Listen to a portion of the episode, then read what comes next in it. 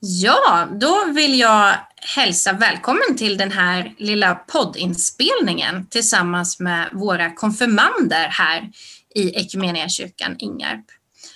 Jag vet inte om vi har något så bra namn på den här, det här samtalet som vi ska ha. Vi kan väl kalla det i huvudet på en konfirmand kanske? Um, vi, vi, det är ju det vi ska göra. Vi vill höra lite vad ni konfirmander har tänkt om eh, texterna här inför julen som vi ska prata lite kring. Ehm, vi har ju fyra fantastiska konfirmander i vår församling det här året. Det är ju Nils och Gustav och Elof och Olle. Och som ledare så är det jag som heter Johanna Fredriksson och Mattias Levander som är ungdomspastor hos oss. Och upplägget för året är att vi träffas ungefär en gång i månaden. Ehm, vi ser någon film och vi samtalar lite och fikar och har allmänt trevligt. Ehm, och till sommaren så ska vi åka på ett två veckors läger till Klintagården tillsammans med ett gäng andra konfirmander. Det senaste jag hörde var att vi troligtvis blir kanske 30 konfirmander i sommar, så det blir ju superkul. Men så är det ju detta med corona och det är ju just nu lite svårt att få till träffar fysiskt. Så då har vi ett litet samtal idag på Zoom. Och så tänkte vi att men det hade ju kanske varit trevligt för någon annan att lyssna på det här samtalet. Så vem du än är och vad du än är, eh, välkommen!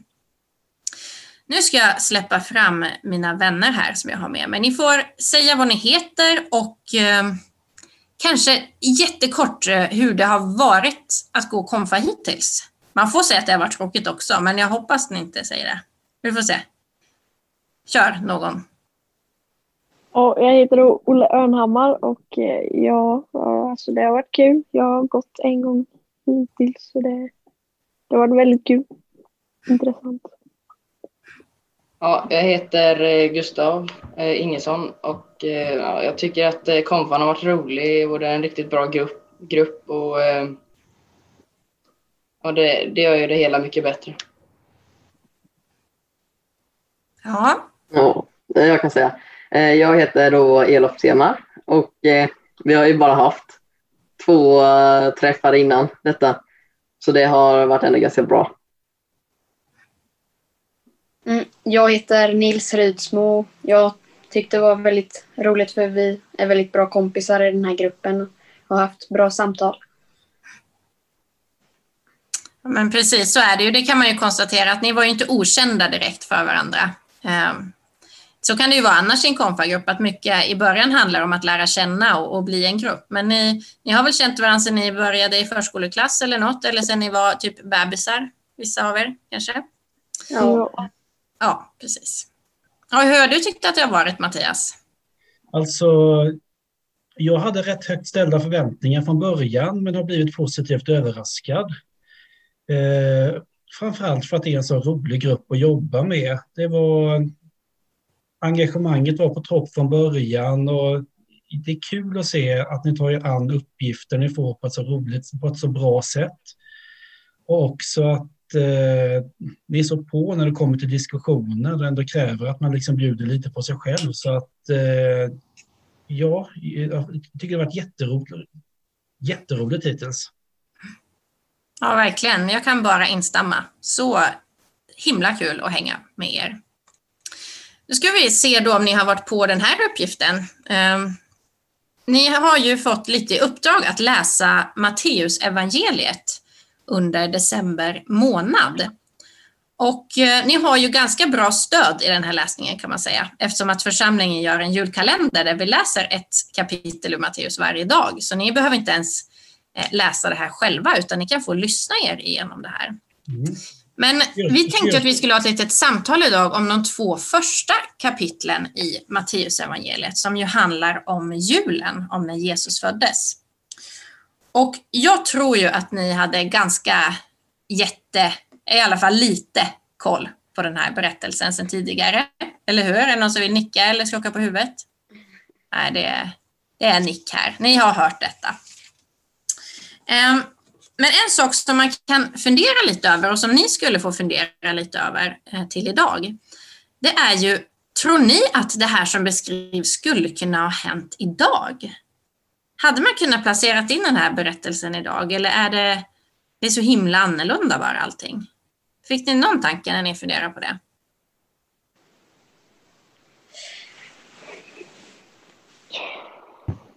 Nu ser ni frågande ut. Ja, Jag får skicka frågan till dig Nils. Skulle det här kunna hänt idag?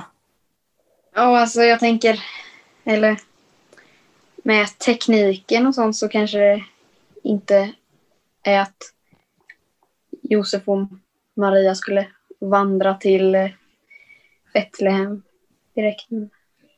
Nej. Men Hur hade de gjort istället då tror du? Ja, då hade man kanske haft något... Jag vet inte, man gör ju inte skattskrivningar eller så idag. Nu. Ja, man skickar in sin blankett helt enkelt. Ja. Mm. Och sen att de skulle Nej, precis. föda en son i ett stall känns det inte riktigt något som skulle hända idag. Nej. Nej, precis. Vad hade man gjort idag om man hade gått från hus till hus och det var fullt överallt? Vad hade liksom resultatet blivit av det? Gustav?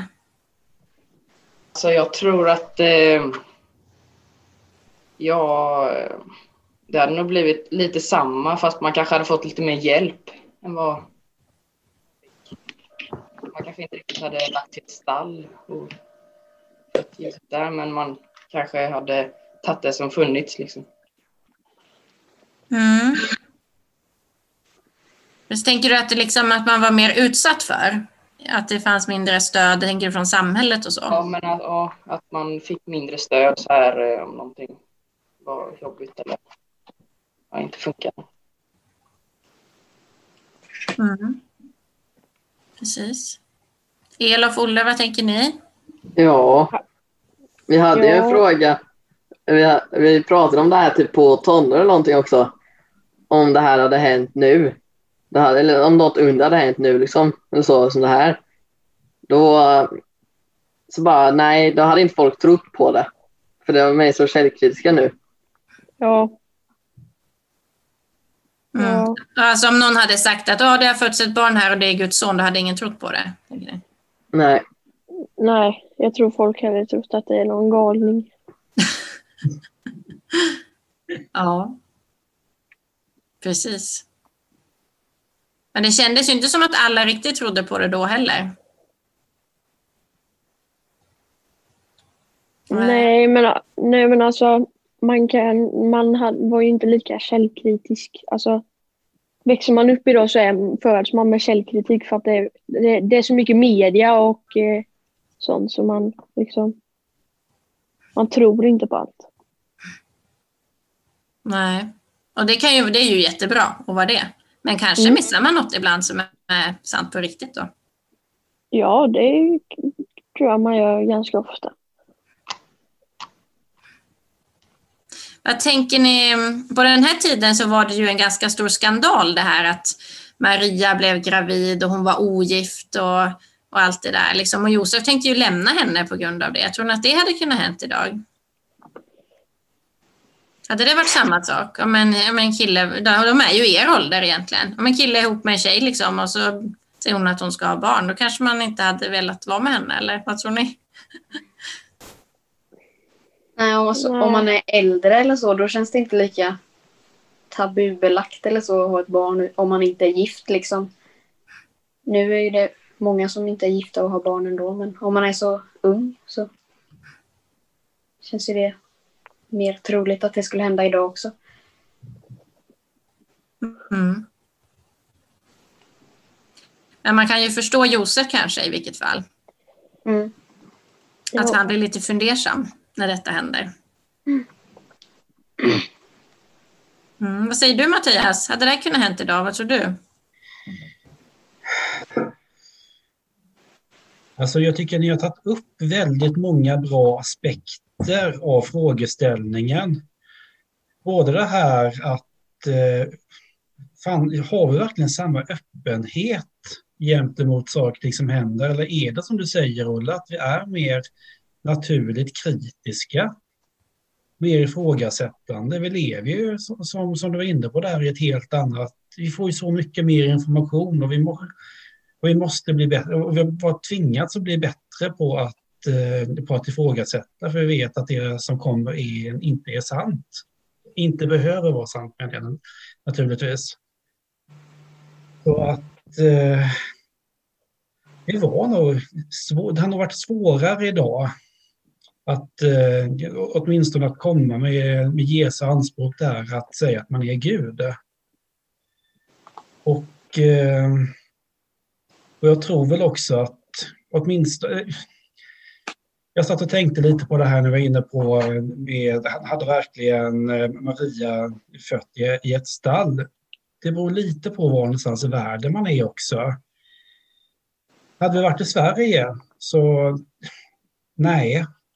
Alltså även om det hade varit i korridoren på ett sjukhus hade de åtminstone varit i ett sjukhus. Samtidigt så jag, jag tänkte lite på det också, att det har varit på andra håll i världen som exempelvis eh, ja, det, i det vi brukar kalla för utvecklingsländer så känns inte det här som ett orimligt scenario.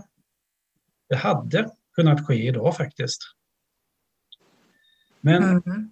med det sagt så tycker jag ändå att det är bra och viktiga aspekter som ni tar, tar upp här. Verkligen. Mm.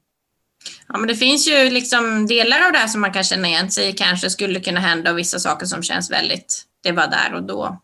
Mm. Det som jag tänker på som kanske känns lite mer aktuellt det är ju det här sista som händer i kapitel 2 när de får fly till Egypten.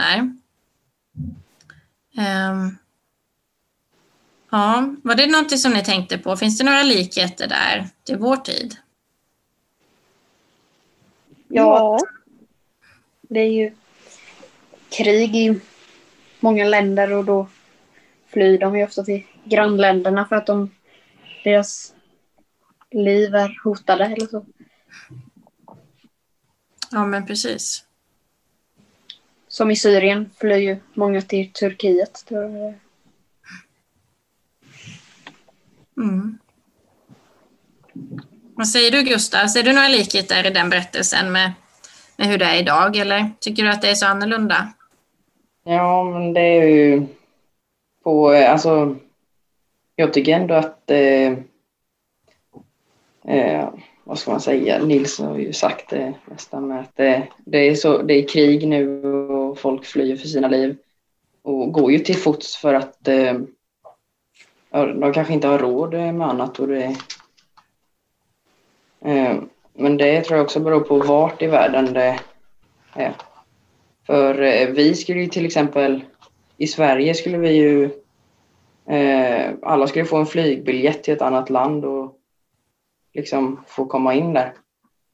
Medan eh, de får gå till fots och farliga resor. Och, så, så jag tror det, det hade kunnat hända eller det händer ju nu, fast på, på andra ställen. Mm, absolut. Ja, det kan man ju verkligen tänka sig det, att precis som du lyfter det, att det var en farlig resväg de hade också. Den här lilla familjen, väldigt utsatta och så ett nyfött barn där liksom och ska ta sig över landsgränser. Det är ju som du säger, det händer idag också. Det är en spännande aspekt, en viktig aspekt du tar upp här, just det här att vi har olika förutsättningar liksom med oss från födseln att klara krissituationer.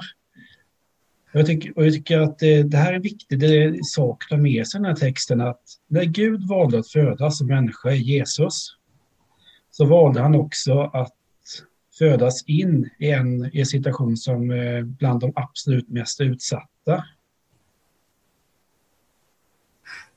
Precis. Vi kan ju komma in på nästa fråga som ni skulle fundera på där. Eh, Jesus får ju ett lite speciellt namn i den här texten. Han får namnet Immanuel som betyder Gud med oss. Varför tror ni att han får det namnet? Eller vad betyder det att Jesus har det namnet, Gud med oss? Vad väcker det för tankar? Elof, ska vi fråga dig? Ja, det är att han eh, kallas så för att eh, Gud har skickat honom dit. Så då menar de att med Emanuel att eh, Gud är med oss nu. Det är som att nu kom Gud, fast i en kropp istället. Ja, precis. Spännande. Olle, vad tänkte du när du läste det, att få det här namnet? Det är inte det vanligaste namnet. Jag tror inte du har någon i din klass som heter Gud med oss. Nej, men alltså att Gud vakar över oss. Alltså så han ser oss hela tiden. Han ser allt vi gör. Och han är liksom med oss, fast vi inte vet om det. Mm. Precis. Ja, det är säkert både och. Båda som ni säger. Både liksom ett uttryck för att han kommer nu, alltså nu är han här, som du säger Elof, och också att han är med oss hela tiden. Absolut. Nils Gustav, tänkte ni något annat eller var det ungefär det ni tänkte när ni läste det? här? Det Han, var ungefär det att, ja, att han är med. mm, jag tänkte det att han, han är med liksom i... Han, sit, eller han, han är i våra skor eller alltså Mm. att han, han blev inte född till en, en rik familj som bodde på en, ja, i ett stort slott och hade massa tjänare utan att han, han föddes bara i ett stall med två fattiga föräldrar som inte ens var gifta liksom. Ja, men precis. Oavsett hur vi har det eller vilka vi är, som du säger, då är han med oss. Liksom. Mm. Absolut. Ja, härligt. Kul, nu är vi igång. Ni är så kloka och bra. Eh, Ni hade ju lite egna frågor också, eh, eller skulle försöka trycka ut någon liten fråga i alla fall på de här kapitlen. Ska vi börja med dig, Olle? Kom du på någon fråga eller någon fundering eller något du tyckte var konstigt? Eller så? Nej men alltså, jag, jag, jag, jag undrar varför liksom inte Josef rörde Maria under tiden hon var liksom gravid. Mm. Bra fråga. Ehm, precis. Jag tar den direkt då. Ehm, det här uttrycket rörde i Bibeln, det är egentligen ett uttryck för att vara liksom väldigt nära, alltså ha, ha samlag egentligen. Att röra vid någon, det är liksom att vara nära på det sättet. Ehm, och varför han inte gjorde det, eller de gjorde det, ja, jag tänker att det var ett uttryck för respekt att hon var i ett sånt tillstånd liksom som gravid att han ville liksom låta det vara. Det var heligt. Han förstod att det var eh, något väldigt, väldigt viktigt och speciellt. Vad tänker du Mattias? Ja, jag håller väl med dig, dig där att eh, eh, han hade ju också fått eh, besök av en ängel som hade, som hade berättat för honom det stora i det här. Att det, att det faktiskt är Gud själv som Maria går och bär på. Så jag tror också, som Johanna var inne på, att, eh, att här är ett uttryck för, av respekt för, för hennes graviditet och för, eh, för vem det var hon var på helt enkelt. Men jag tror ju säkert att de, de rörde säkert vid varandra. Alltså så som hålla hand och kramas och så. Det var nog inte så, Mm. utan mer att de inte eh, var med varandra på det viset. OK. Ja, men viktigt. Det kan man verkligen fundera över. Det är många sådana där uttryck i Bibeln, så det är bra att du kommer upp. Man kanske inte riktigt, ja vadå? Eller det ligger liksom en annan innebörd i kanske än vad man tänker spontant. Liksom. Hade du någon mer fundering? Eller var det den som du funderade på när du läste? Ja, det var den jag funderade mest på faktiskt. Mm. Ja, men jättebra. Gurra? Fick du någon tanke när du läste? Eh, där eh, Matteus eh, kapitel 2, vers 15, tror jag det var. Där det står Från Egypten har jag kallat min son. Mm. Bra. Du undrar varför det står så, eller vad, det, vad är din fråga? Eh, liksom, ja, varför det står så. så. Mm. Kanske jag får ta den då? Ta den. Ja, underbart, för det här, det här tycker jag är spännande. Eh, man kan se i Bibeln att eh, framförallt i Gamla Testamentet att eh, det fanns redan då en förväntan på att Gud skulle komma, att den här Messias skulle dyka upp. Och då var det lite, olika saker som eh, behövde uppfyllas. För att liksom, man skulle veta att det är, att det är Messias. Eh, och en av de sakerna som man pekade på det var på något sätt att han skulle kallas från Egypten, att han skulle vara i Egypten och, och, eh, och kallas därifrån tillbaka till, till Israel.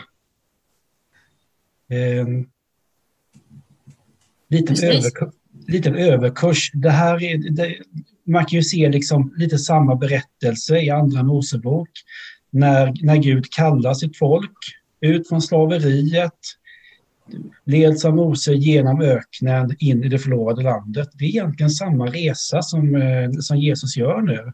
Som ett sätt liksom att visa på att ja, han är Messias. Så att det, det är därför det står där, för att visa att ja, men, han gjorde den här resan och det finns fler sådana här saker i evangelien där man ser att han gör, han, han gör saker för att eh, uppfylla de här profetiorna i Gamla Testamentet. Men precis, och ni kommer ju se det nu när ni läser hela Matteus, att det ofta kommer sådana här citat från Gamla Testamentet. Och mycket just för att visa, som Mattias säger, att det hänger ihop. Liksom. Det som står i Gamla, det händer nu i Nya. Jag undrar, när ni, ni har ju era biblar där hos er nu, va? Mm. Har ni noter i era biblar? Alltså finns det liksom, eh, står det där nere på sidorna lite extra, extra material kan man säga? Ja, det... Ja. Ja. Det är ju ett jättebra sätt. Alltså för på nästan varje bibelvers så kan det finnas en not som förklarar lite mer. Men jag tänker på det här vi läste nu, Gustav, som du hade en fråga om. Mm. I noterna i min bibel så står det lite om det citatet. Då står det så här, orden är hämtade från Hosea kapitel 11, 11 vers 1, där det syftar på Israels folk och uttåget ur Egypten. Precis som Mattias sa. Så då liksom har man någon fråga, tips jag kolla i de här noterna som ni har. Ibland väcker det bara mer frågor, man fattar ingenting. Men ibland ger det ett litet svar. Ett tips. Ja, känner du Gustav att du fick svar? Eller krånglar vi till det bara? Jag känner att jag fick ett jättebra svar. Ja, vad bra. Vad, hade du någon mer fråga som du har skrivit ner? Ehm, ja, jag vet inte riktigt. Den kanske inte... ehm, ja. Ehm, Kör. Det är i alla fall eh, eh, Jesus släkttavla. Varför den är med och är den viktig liksom? Mm, bra fråga. Mm. Vad tänkte ni andra? Var det, det var väl jättekul att läsa, eller hur?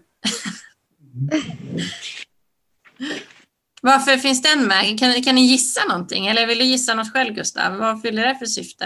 Eh, nej, jag har ingen aning faktiskt. Ingen aning. Någon som har någon, någon idé?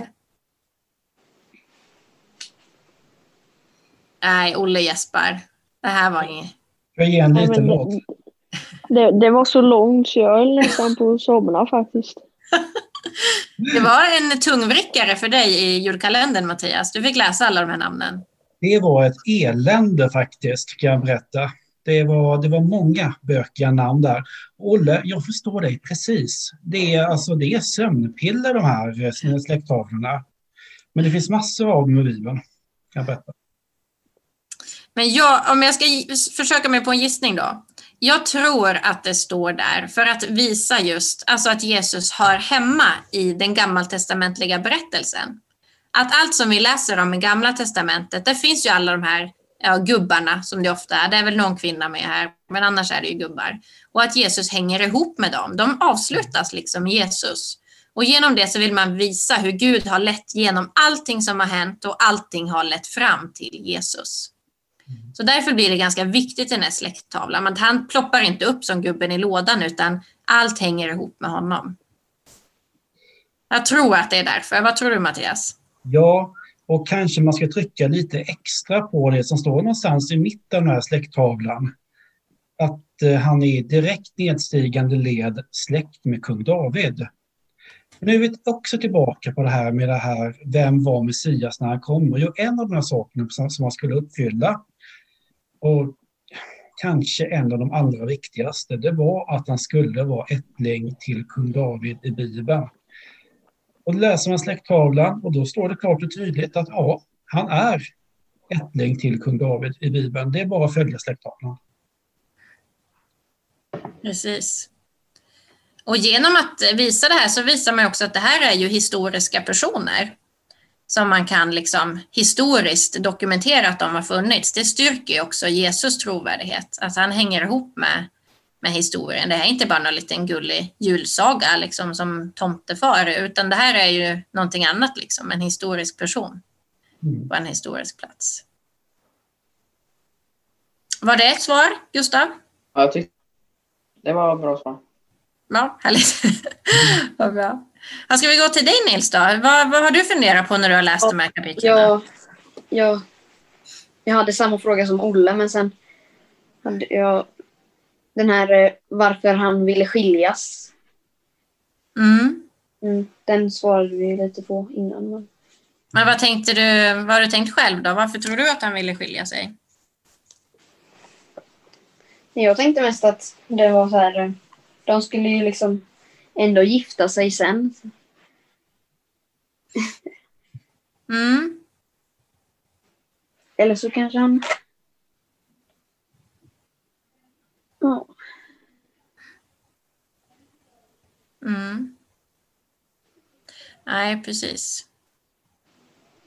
Kanske att, jag vet inte, men kanske att han från början kanske helt enkelt trodde att hon hade varit otrogen. Mm. Innan han fick höra det här från ängeln, att det var Guds son, så trodde han att nej, men hon har väl gått och varit med någon annan. Och då kanske man inte är så sugen på, på att gifta sig. Mm. Nej. Eller så var han kanske rädd för att det var så skamligt det här. Alltså man fick ju inte ha barn för de hade gift sig. Det är ju ganska klart och tydligt på den här tiden. Och då liksom, det skulle ju alla fatta att, att han inte ville, eller att folk skulle prata liksom. Och jag tycker lite ditt ordval här Nils, när du ställde frågan var intressant. Liksom de skulle ju ändå gifta sig lite senare. Vad är den stora grejen? Och här ser vi lite hur eh, olika man kan tänka, både alltså, i olika tider och, och eh, i olika kulturer. För att det här var då på den tiden en stor grej. Och på sina håll i världen så är det fortfarande en stor grej. Just, det, just som Johanna var inne på nu, att det var väldigt skambelagt att faktiskt ha sex utanför äktenskapet. Och en kvinna, alltid kvinnor som drabbas som råkar ut för det här, tror inget annat. En kvinna som hade haft sex innan äktenskapet var nästan lite fördärvad. Så just det här att han, det står ju också att han skulle skilja sig från henne i stillhet, i tysthet, inte göra någon stor grej av det här. Det var en väldigt stor eftergift eh, för Maria för att det hade varit fullt acceptabelt om han hade blivit skitarg, gått ut och berättat för alla vad som hade hänt. Min blivande hustru har minsann varit otrogen och verkligen, och verkligen shameat henne så att eh, det hade han kunnat göra men valde att inte göra det. Men så ser det här lite som också ett bevis på hur olika man kan tänka, både kulturellt och historiskt. Mm. Och det kanske man kan, jag vet inte hur det skulle vara liksom, ja men på er skola om en kille och en tjej är ihop med varandra och så har hon varit med någon annan. Alltså det hade ju varit samma grej där. Det hade ju varit ganska schysst för henne om man hade bara, okej, okay, ja men då är vi i slut ingen stor grej av det. Han hade ju också kunnat skrivit ut på sociala medier att hon har gjort ditt och datt och hon har gjort det här liksom för att dra ner henne i smutsen. Det är ju lite samma, samma grej liksom, fast idag. Mm. Men Josef var nog ganska, ganska bra ändå, tror jag. jag vet inte. Får, får ni en bra bild av Josef? Verkar han vara en, en hyvens kille eller tycker man att han är, han är sunkig liksom som tänker skilja sig? Jag förstår nog. Mm. Du förstår? Mm. Ja, jag förstår också. Jag tycker han, jag tycker han hade gjort helt rätt om han, om han, om han inte hade fått veta av eh, ängeln. Ja, men precis. Mm. Ja, hade du någon mer fråga Nils, eller var det de du hade? Eh, Jag tänkte där i början av kapitel två så står det om att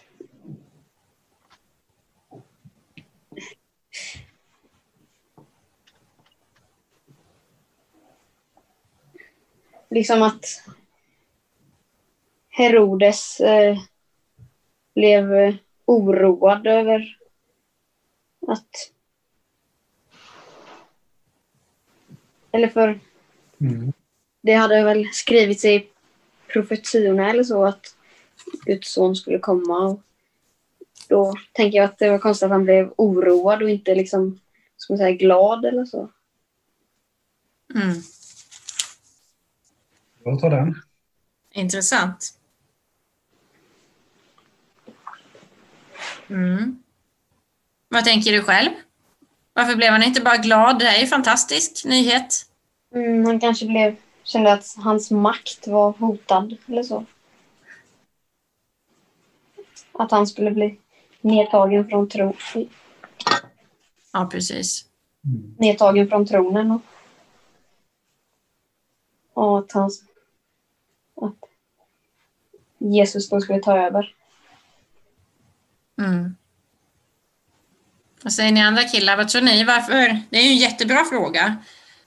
Om det finns en profetia att ny kung ska komma liksom och befria alla och det är fantastiskt. Varför blir Herodes inte glad? Vad tror ni? Ja, jag tror ju det att han kände sig hotad. Det är det jag tänkte också att han, ja men nu kommer han ta över makten så då måste jag döda honom eller få bort honom. Eller så. Ja, Jag tror att han blev ganska överraskad för han visste ju inte att, eh, att eh, Jesus då skulle komma under hans livstid, under hans tid vid tronen liksom. Så han blev, han gjorde nog det han kom på först. Mm. Det var väl att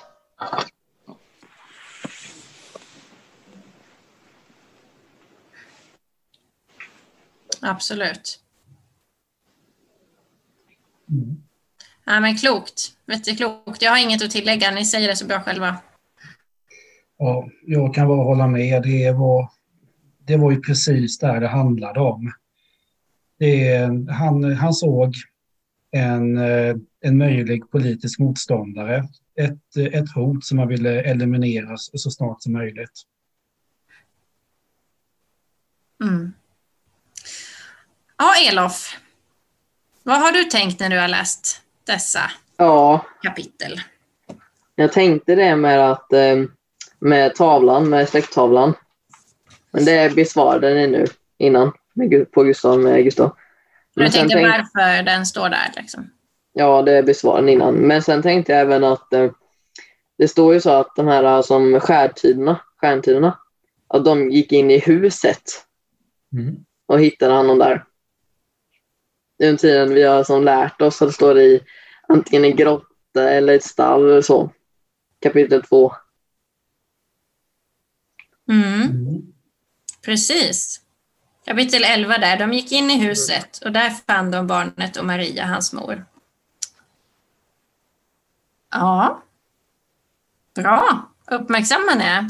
Ja. Det är ju lite um, alltså omdiskuterat kan man säga. Vad det här stallet var och hur det såg ut.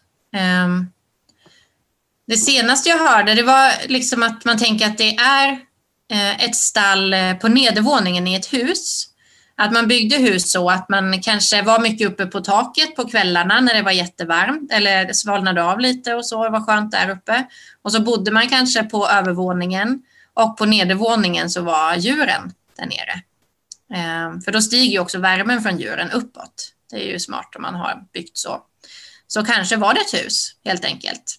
Eh, värdshus på den här tiden var ju inte som vi tänker, det var inget hotell liksom, med massa rum och room service och allt det där, utan det var ju kanske några som hade plats i sitt lilla hem. Eh, men det, och så var det fullt och då fick de bo på nedervåningen i ett hus helt enkelt, där det var stall. Det kan ju ha varit så. Eller så var det stall som vi tänker, eller så var det en grotta, har jag också hört, Mm. som sagt. Ja, jag vet inte, det här talar ju för att det kanske är den här husteorin då, att stallet var i ett hus helt enkelt. Vad säger du Mattias? Nej, men eh, jag kan bara hålla med nu också. Alltså, man hade inte central, centrala värmesystem som vi har idag så att då fick man använda de medel man hade för att hålla värmen och då var ju husdjuren helt fantastiska. De fungerade som, eh, som lite extra element. Så att, Alltså, eh, så tror jag att man kan se liksom husbyggnationer i Sverige också, alltså för, för länge, länge sedan, att djuren var ju ofta inne i vissa delar av huset i alla fall och en anledning är ju för att få värme eh, av dem. Så kanske var det ett hus då. Men eh, om man tänker kru- julkrubbor och sådär ser ju sällan ut på det viset. Då är vi ju vana att tänka mer som ett stall. Så. Mm. Eller så hade de flyttat sig. Det är ytterligare en tanke. Det här var ju någon dag efter i alla fall, måste det ha varit. Ett par dagar. Ja, de, de som Mm. skulle skattskriva sig hade kanske gått, gått Mm. åkt hem eller så. Eller Precis. de hade lämnat och var på väg hem så då kanske det fanns mer plats i något annat hus. Mm. Och det är ju rimligt kanske, att om de fick plats att de skulle byta då, byta upp sig lite. Mm. Vad tänkte du själv Elof, eller vad tror du? Står det fel Ja, helt enkelt, eller? nej, men jag tänkte bara det att vi har ju lärt oss nästan överallt annars att det varit i en grotta eller i ett eh, stall. Men här så är det som det gick in i huset. Mm. Så då tänkte jag bara, först var jag, ja det kanske är bytt eller som du sa. Men sen bara, ja, eller sen visste jag inte riktigt vad det kan vara. Nej. Och sen överlag, de här texterna är ju rätt så kryptiska och eh, går ju, det går ju inte in jättemycket på detaljer. Så att eh, det blir ju, som vi sitter och gör nu, liksom bara mer eller mindre kvalificerade gissningar. Vi vet egentligen inte vad det var som hände och det är lite spännande det också. Vi har liksom inte hela facit. Det är frågor som, eh, som dyker upp runt det praktiska runt omkring men att eh, Ja, som sagt, vi, eh, vi får inte alla svaren i texterna. Så är det. Men vi får goda samtal kan man konstatera. Mm. Har ni fått dryfta era frågor eller är det någon som sitter och trycker på något som har dykt upp nu eller något som ni inte har fått säga? Nej. Nej, jag tycker att vi har fått svar på... I alla fall jag har fått svar på det jag vill ha frågat. Härligt. Ja men kul, det var jätteroligt att höra eh, era tankar om detta. Nu vet jag inte om Gustav föll bort kanske lite. Vi får hoppas han kommer igen här strax. Eh, men vi kanske ska börja avrunda vårt samtal i vilket fall. Jag hoppas att, eh, att du som har lyssnat eh, känner att du har fått en liten inblick hur det kan vara på konfan. Eh, kanske också fått lite nya frågor och funderingar du själv också. Ehm, Frågan är om vi kanske ska avsluta där och ehm, säga någonting kanske vad vi ser fram emot i jul.